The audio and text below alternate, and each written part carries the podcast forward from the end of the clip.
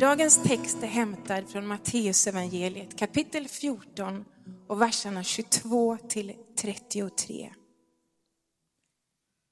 Strax därefter befallde han lärjungarna att stiga i båten och fara i förväg över till andra sidan sjön medan han själv sände iväg folket. Och när han hade skickat iväg dem så gick han upp på berget för att få vara för sig själv och be. Och när det blev kväll så var han ensam där. Båten var redan långt från land och hårt ansatt av vågorna eftersom de hade motvind. Och mot slutet av natten kom Jesus till dem, gående på sjön. Och när lärjungarna fick se honom gå på sjön så blev de förskräckta och sa, det är ett spöke. Och de skrek av rädsla. Men genast sa Jesus till dem, var lugna, det är jag, var inte rädda. Och Petrus svarade, Herre, om det är du, så befall mig att komma till dig på vattnet. Och Jesus sa, kom. Och Petrus steg ur båten och gick på vattnet fram till Jesus. Men när han såg hur stark vinden var så blev Petrus rädd och han började sjunka och ropade, Herre hjälp mig, rädda mig. Och genast sträckte Jesus ut handen och grep tag i honom och sa, så lite tro du har, varför tvivlade du? Och de steg i båten och vinden lade sig. Och de som var i båten tillbad honom och sa, du är verkligen Guds son. Detta är Guds ord till, till oss idag. Varsågoda och sitt. För det. Hemma hos oss så händer det ganska ofta att våra barn säger, får jag ställa en, eh, får jag köra en gåta?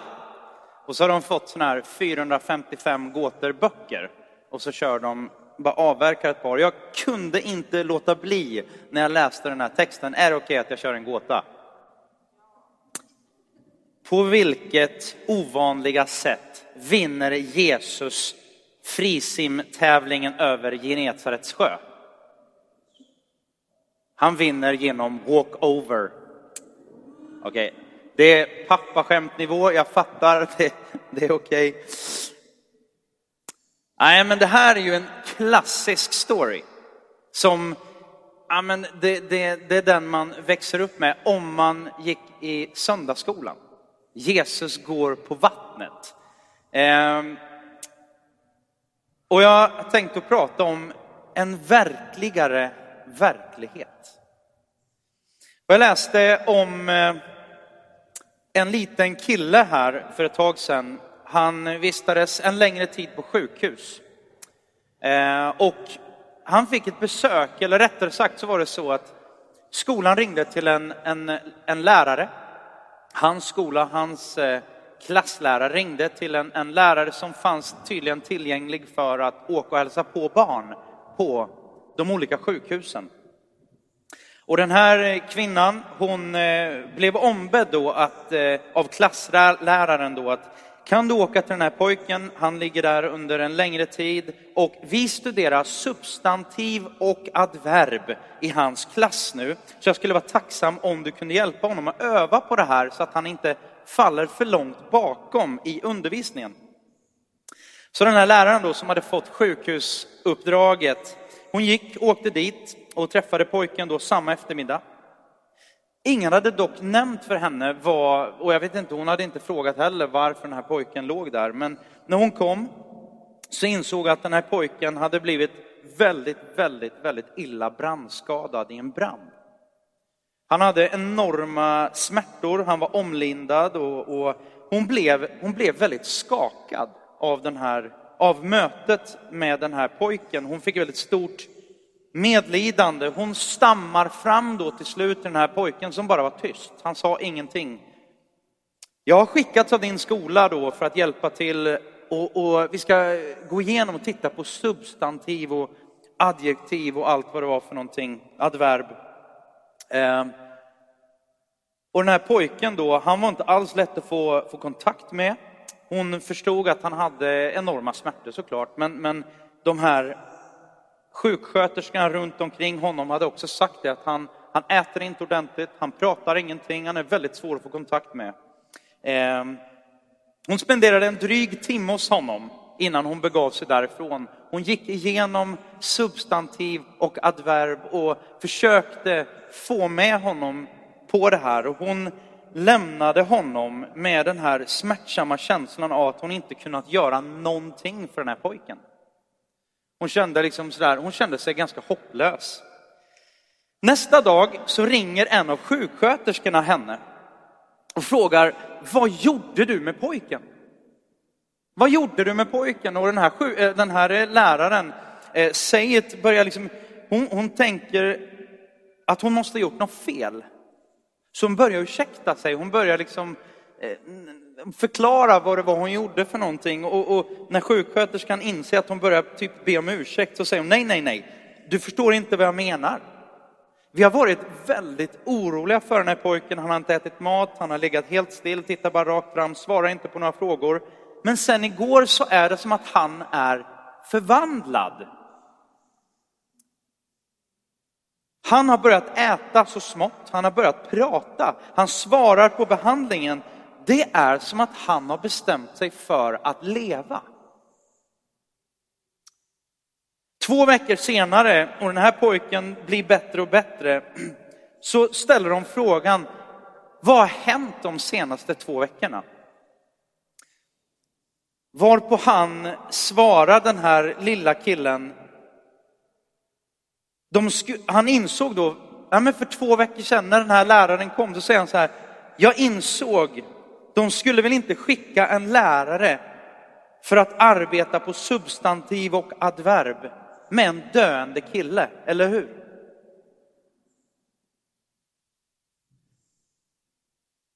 Han trodde att han skulle dö.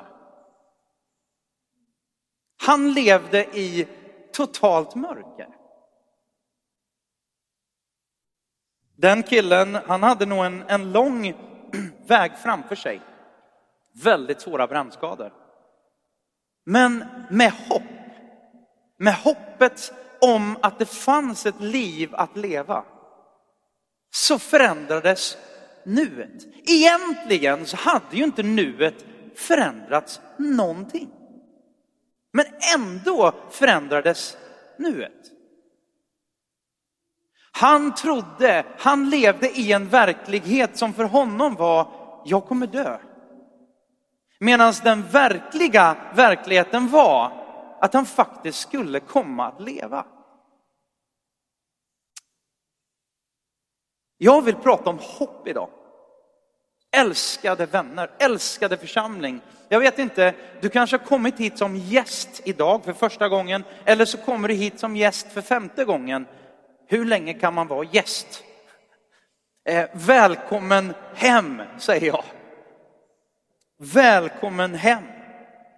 Men jag tror att Gud vill säga välkommen hem.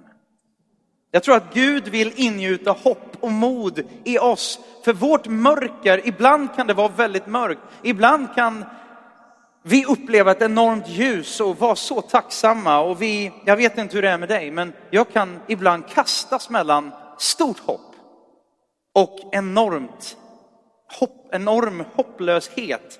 Även om jag kanske är till mina känslor ganska så jämn, så är det ändå så ehm, och texten här som vi läste i Matteus evangeliet, en fantastisk berättelse och vi skulle kunna fokusera på bönens betydelse. För Jesus han ber sig ut och han ber, han inser att jag behöver, jag behöver eh, spendera några, ti, några timmar i bön.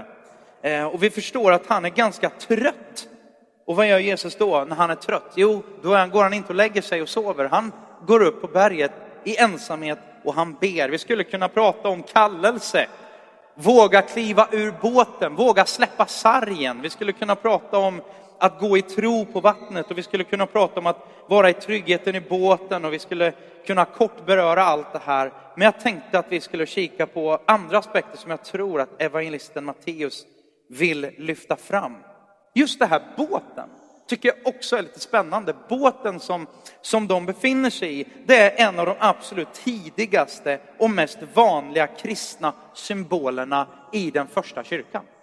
Båten. Varför den här storyn? Varför det här miraklet? Varför ett sånt här, som jag ändå får kalla ett extraordinärt mirakel? Eller har ni sett någon gå på vattnet? Liksom? Ja, jag har gått på isen, säger någon. Det är ju att gå på vattnet, absolut. Det är bra. Eh, dock inte riktigt lika stort mirakel som det här. Det var massor av mirakler. Människor fick se mirakler som Jesus gjorde. Och en del står, det står att de, de, de blev både intresserade men också de började tro när de såg de här miraklerna. Det här miraklet såg inte folkmassan. Det här miraklet var specifikt för lärjungarna. Men jag tror också att det är och var för oss. Och man kan ju höra den här storyn och man kan ju fästa blicken på Petrus. Och man kan ju säga, wow, vilken trosman! Till att börja med i alla fall. Wow, vilken trosman! Ja, men han steg i alla fall ur båten och de andra satt ju i alla fall kvar och liksom pekade inte finger åt de som går i tro, även om han och så kan man ju fokusera på att han sen då inte hade så stor tro, utan att han började sjunka och så sträckte han upp handen och, och sådär. Men låt oss titta lite närmare på vad som egentligen händer i den här texten. Ehm, det som hände precis innan. Jesu kusin och förlöpare, Johannes döparen, han har precis, precis blivit halshuggen och hans huvud har blivit serverat på ett fat på en fest som, en, som kung Herodes hade hållit då. Eh, och jag tänker att det är klart att den händelsen, Johannes döparen som var en av de största, han hade blivit halshuggen. Det är klart att det skakar om.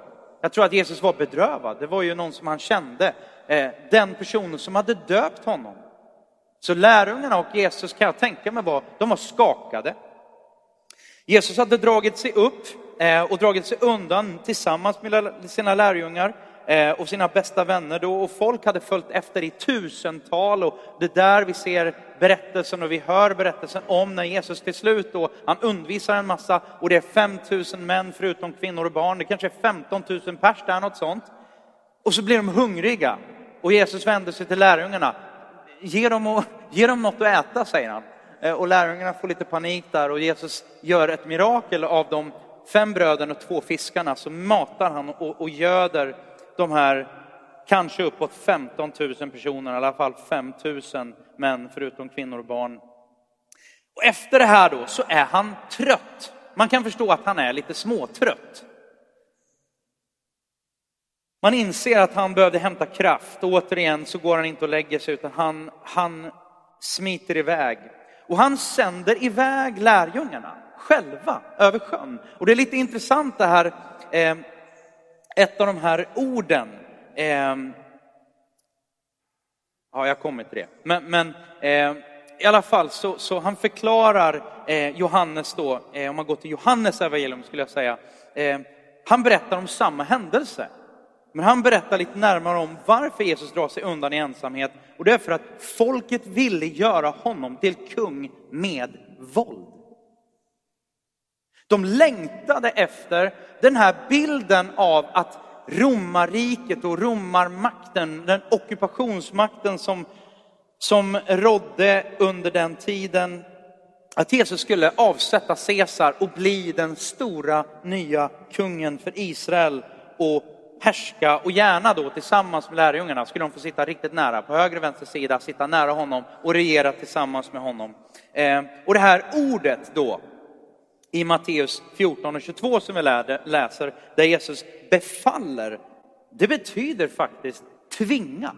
Alltså han är, det är väldigt så här, tydligt ord. Eh, strax därefter befaller han. Och vi ser, man inser att Jesus är, alltså det är viktigt för honom att få vara själv där. Det är viktigt för honom. De har sett honom bota massa sjuka, ge mat över 5000 pers med bara fem bröd och två fiskar. Eh, och de älskade honom, men de, de förstod ändå inte riktigt vem han var. De ville göra, och folket ville göra honom till kung med våld. Varför lyfter jag upp det här? Jo, det här är ju det som händer precis, precis innan.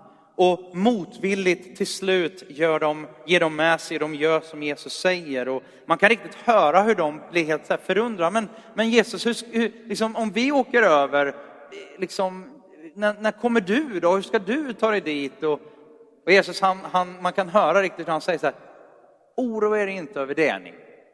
Jag löser det. Och så far de iväg och så är de utare? ute då. Genesarets sjö. Jag har faktiskt aldrig varit i Israel ännu, men jag vet att Genesarets sjö ligger 200 meter under havsytan. Den ligger som i en gryta. Och från sjön ser man Hermons berg vars högsta topp ligger 2700 meter över havsytan. Alltså ungefär 2900 meter över ytan på Genesarets sjö. Man har tre, nära då, tre kilometer i nivåskillnad. De kalla vindarna från Hermor korriderar tydligen med de varma vindarna från öknen i den här grytan som kallas Genesarets sjö. Så det kan bli enorma, det kan gå väldigt snabbt, väderombyte väldigt snabbt och det kan bli enorma orkanbyar på väldigt kort tid. Och det, det, det berättas om att, att under bara kort tid plötsligt har det stormat till och blivit över tre meter höga vågor. För förra sommaren, inte nu i somras, men sommaren innan, så var vi ute med båten och eh, vi har en, en, en liten båt, men vi har ju en inombordsmotor, det är inte en roddbåt så. Vi har en inombordsmotor och ett kapell som man kan gömma sig under. Men, eh, och så åker man utan, precis utanför där vi har båten så finns det ett, ett eh, vad ska man säga, det är ju havet och det är ute i skärgården, men det är, det är som ett vattendrag, liksom sådär. Eh, ganska öppet, nästan ända från Nynäshamn upp, så finns det ett, ett, eh, ett Eh, vatten, eh, vad säger man, en, en farled som heter Mysingen. Och den är allt annat än mysig kan jag säga. Väldigt ofta så blir det fullständigt omysigt där. Och jag kommer ihåg förra sommaren så var vi ute med ett par vänner och vi var ute och for, det var jättefint väder, det blåste ingenting. Och så på vägen hem så var det lite så här, oj vi ser att det, det blir verkligen mörkt inne vid land. Och okej, ja, men det är nog dags att åka hem nu. Och, och det bara som att det small till. Det började blåsa enormt mycket och det började regna och det började blixtra. Och plötsligt när vi skulle över Mysingen då som vi var tvungna att korsa så var det, det var ju absolut inte tre meter höga vågor utan det var ju kanske halvmeter, en meter höga vågor. Men jag kan säga att då är man inte särskilt kaxig. Mitt i allt det här så är lärjungarna där och det är inte jättekonstigt att de är jätterädda och plötsligt ser de någon komma och gå på vattnet. Alltså det är inte naturligt. Det är övernaturligt. Så Jesus han är kvar på berget i flera timmar, strax före gryningen, någon gång mellan tre och sex på morgonen kommer Jesus till dem gående på vattnet. De håller på att kämpa där för sitt liv och ta sig över Genesarets sjö. Ser ni bilden? Jag tycker inte det är jättekonstigt att de blir rädda, det är fullständigt naturligt, tänker jag. Lärjungarna, de hade inte förstått vem han var. Där och då så blev de jätterädda. Där och då så var det nog mörker. Jag tror att där och då, de tror att det är ett spöke. Jag kan tänka mig att det gick en, liksom, det gick som elektricitet genom ryggmärgen på dem och bara, det här, nu har slutet kommit. Det är storm, det är elände, ett spöke dyker upp.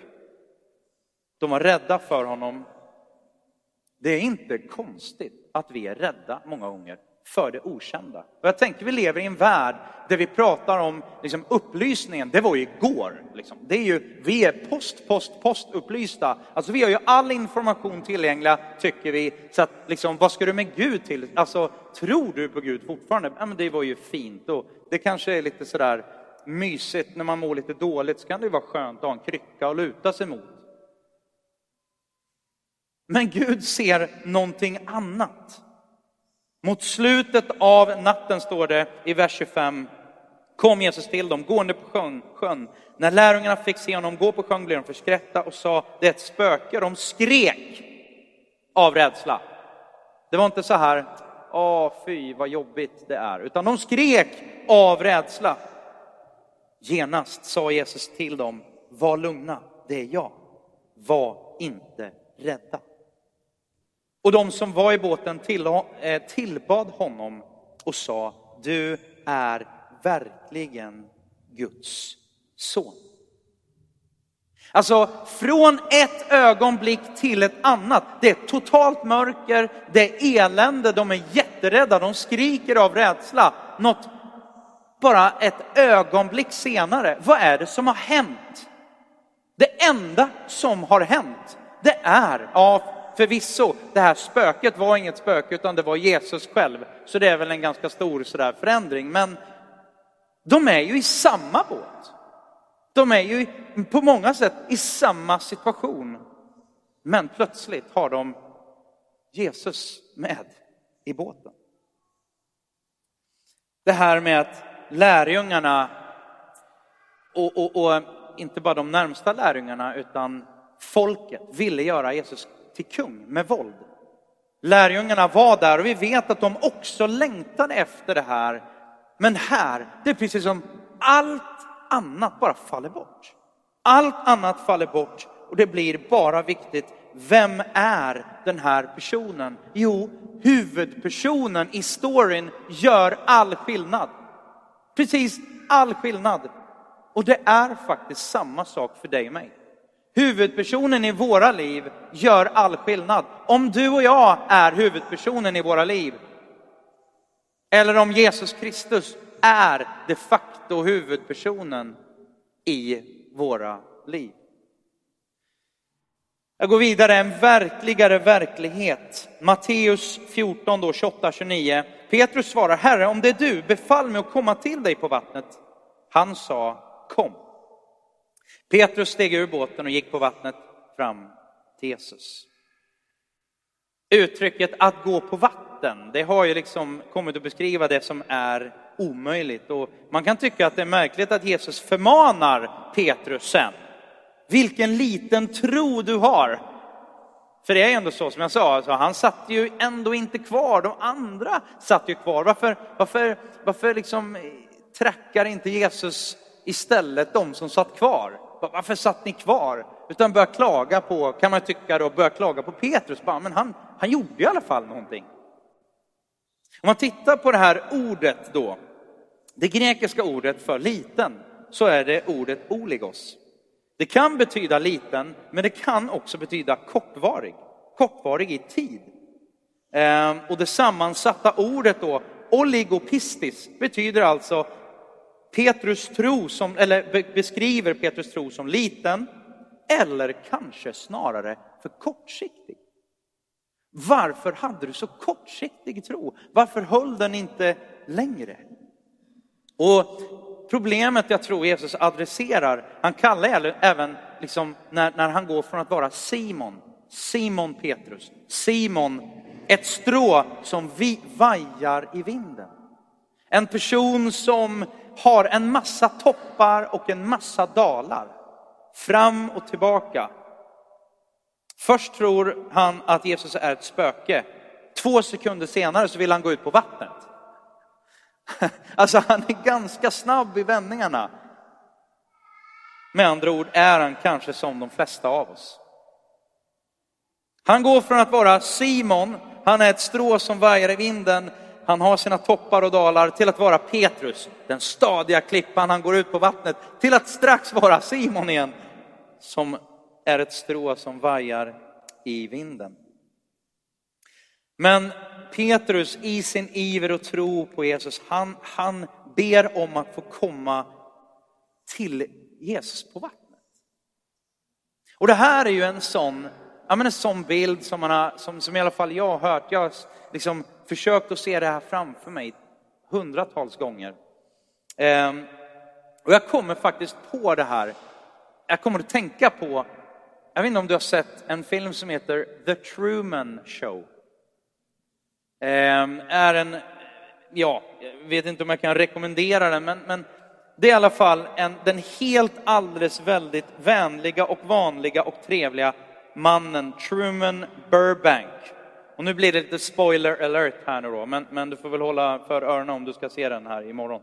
Eh, hela sitt liv ovetandes levt i en artificiell skapad värld, en hemsk eh, situation han tror att han lever sitt riktiga liv, men precis alla runt omkring honom, hans fru, hans vänner, hans bostad, det är bara en kuliss. Det är bara en, det är bara en stor tv-studio och alla är skådespelare. Ehm, men det kommer en dag då han börjar misstänka att allt inte är som det verkar eller som han har trott. Ehm, och som folk har velat tro, få honom att tro. Ehm, och, och allt, han går längre och längre i sitt sökande, han tar till slut sin båt och styr mot horisonten. Och bara, jag ska komma fram till och jag ska ta reda på eh, för att se vad som finns där då. Och tydligen så, alltså tv-produktionen, de, de, de eh, fruktar ju detta. Den här, den här framgångsrika tv-serien som hela världen tittar på. Ehm, så de skapar en, ett enormt oväder och försöker att se till så att han inte kommer fram. Men han trugar på, han ger inte upp, utan till slut kommer han inte bara inte fram till horisonten, utan han kommer fram till slutet och han inser att havet som han seglar på är helt oäkta. Och att horisonten inte är något annat än en kuliss och en vägg och det finns faktiskt en trappa upp och en dörr ut. Och han tar sig ut ur den här kulissen. Ehm, och han bryter liksom ut ur den här artificiella verkligheten. Och ibland så kan det vara så, upplever jag, att jag lever i någon slags verklighet som är så verklig och så påtaglig. Men sen bara genom att träffa, träffa någon, jag och Linda, vi hade förmånen att vara i USA här nu för förra veckan. Eh, och en av de sakerna som jag uppskattar när man träffar kloka människor, människor som inte tänker precis som jag och man träffar människor som, ja inte minst de som älskar Jesus såklart, men att så här, få dem att ställa frågor till mig för att avslöja mina, min valda verklighet på något sätt. Och det var faktiskt ett antal frågor som vi fick där det bara liksom blir så uppenbart att ja, men min, min verklighet, det kanske ändå är så att den inte är hundra procent sann. Du går omkring kanske och tänker saker om dig själv. Jag tänker på, på David, kung David, herdepojken som Gud hade tagit upp i sin famn och hade format honom ute på fälten när han var en herdepojk. Och den här herdepojken, han blev sen en av Israels, eller kanske Israels absolut mäktigaste man, mäktigaste kung genom alla tider. Och han skriver, det är allt ifrån, allt ifrån han inser att han syndar grovt, han, han, han eh, begår äktenskapsbrott, han mördar människor, han, han är, det, det är hemskheter. Och han inser det och han har, han har de perioderna i sitt liv, men han har också psalm 139 när han skriver, det är precis som att han, han behöver höra det själv, han behöver säga till sin egen själ, du är, säger han till sig själv, ja men jag är underbart skapad. Jag är underbart skapad. För du är ju underbar Gud, för du, du har ju skapat mig. Alltså, jag vet inte hur det är med dig. Jag vet inte hur, om du vaknar upp varje dag och bara ser dig i spegeln och bara, du är underbart skapad. Jag vet inte ens om det vore hälsosamt. Att varje dag vakna upp så, kanske vore det att göra det lite oftare. Däremot kan jag tänka mig att ganska många av oss vaknar upp och säger precis raka motsatsen. Gud, älskar du verkligen mig? Hur kan du tycka om en sån som mig? Hur kan du använda en sån som mig? Kanske befinner du dig i en situation just nu där det stormar järnet. Du kanske till och med känner att du har gått ut på vattnet. Du har faktiskt gått i tro. Du har liksom ropat till Jesus. Men du börjar att sjunka. Då önskar jag, och jag tror att Gud vill, kanske så att han vill sticka hål på den där bubblan som du och jag så lätt kan stänga in oss i. Våra bubblor av Vi skapar en verklighet som inte stämmer överens med hans verklighet. Kanske är det så när Petrus, när han vill komma ut på vattnet. Tänk om det är så att Petrus egentligen uttrycker en önskan om att gå bort bortom sin egen verklighet. Jag vill leva i din verklighet, Jesus. Han försöker inte vara som Jesus, för Petrus vet vem huvudpersonen är och han inser nog det där speciellt. Men han gör allt för att vara med Jesus. Jag vill landa med sista punkten, utmana din verklighet. Matteus sista då, de här sista fyra verserna. När han såg hur stark vinden var blev han rädd. Han började sjunka och ropade Herre, rädda mig. Genast sträckte Jesus ut handen, grep tag i honom och sa, så lite tro du har, varför tvivlade du? De steg i båten och vinden la sig. Och de som var i båten tillbad honom och sa, du är verkligen Guds son. Vad hände när lärjungarna får sin världsbild fördjupad och breddad? Vid det här tillfället, som så många gånger tidigare, så fick de uppenbarelsen, de fick insikten att Jesus verkligen är Guds son. Han är inte bara en god talare, han är inte bara den som botar sjuka och gör mirakler och, och den vi läser om som skulle komma och de, den som, de hade ju inte nya testamentet som vi har. Utan de hade bara gamla testamentet. Men de hade läst om och de trodde att han var den som skulle komma. Men de inser att han verkligen är Guds son. Den som han sa att han var. Och det är då det händer grejer. Tänk om du och jag skulle få uppenbarat för oss lite oftare, lite djupare, att Gud verkligen har sänt sin son för att han älskade världen så mycket. Är du del av världen? Fråga. Om du är del av världen, då älskade Gud dig så mycket att han var beredd att låta sin son dö. Dö på ett kors för att sedan uppstå, för att vi skulle få uppstå till evigt liv.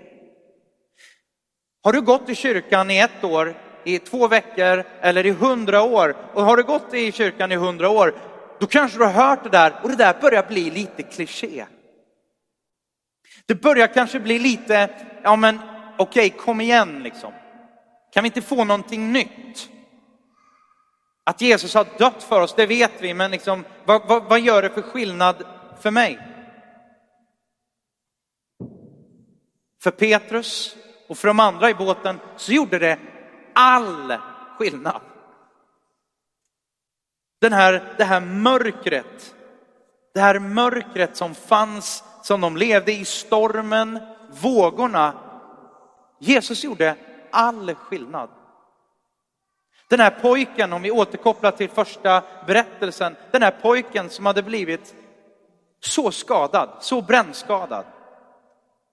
När han bara fick reda på att faktum är, faktum är att jag ska inte dö, jag kommer få leva. Det var ju inte så att allting blev jättebra plötsligt. Jag har inte ont längre, det är inga problem, jag, jag, jag slipper sjukhuset. Så var det ju inte. Men det var någonting, det var någonting som blev enormt annorlunda. Det är de glada nyheterna. Vi lämnar inte den här världen omedelbart. Vi kommer inte vara utan skador, utan smärta. Vi kommer inte plötsligt bara ryckas upp och allting blir härligt och mysigt och gosigt bara för att vi tror på Herren. Men allt är annorlunda i och med det hoppet. Och nu har jag sagt att jag ska avsluta i alla fall en gång tidigare men nu ska jag avsluta och jag vill avsluta med att läsa Paulus ord ifrån Romarbrevet 5, 1 till 5. När vi nu har blivit rättfärdiga, och det här ordet rättfärdig, det betyder att vi, är, vi är accepterade av Gud.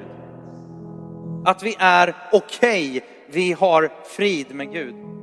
Vi har blivit rättfärdiga inför Gud genom tro. Har vi frid med Gud genom vår Herre Jesus Kristus. På grund av tron på honom har vi fått tillträde till den nåd vi nu befinner oss i. Vi befinner oss i en nåd.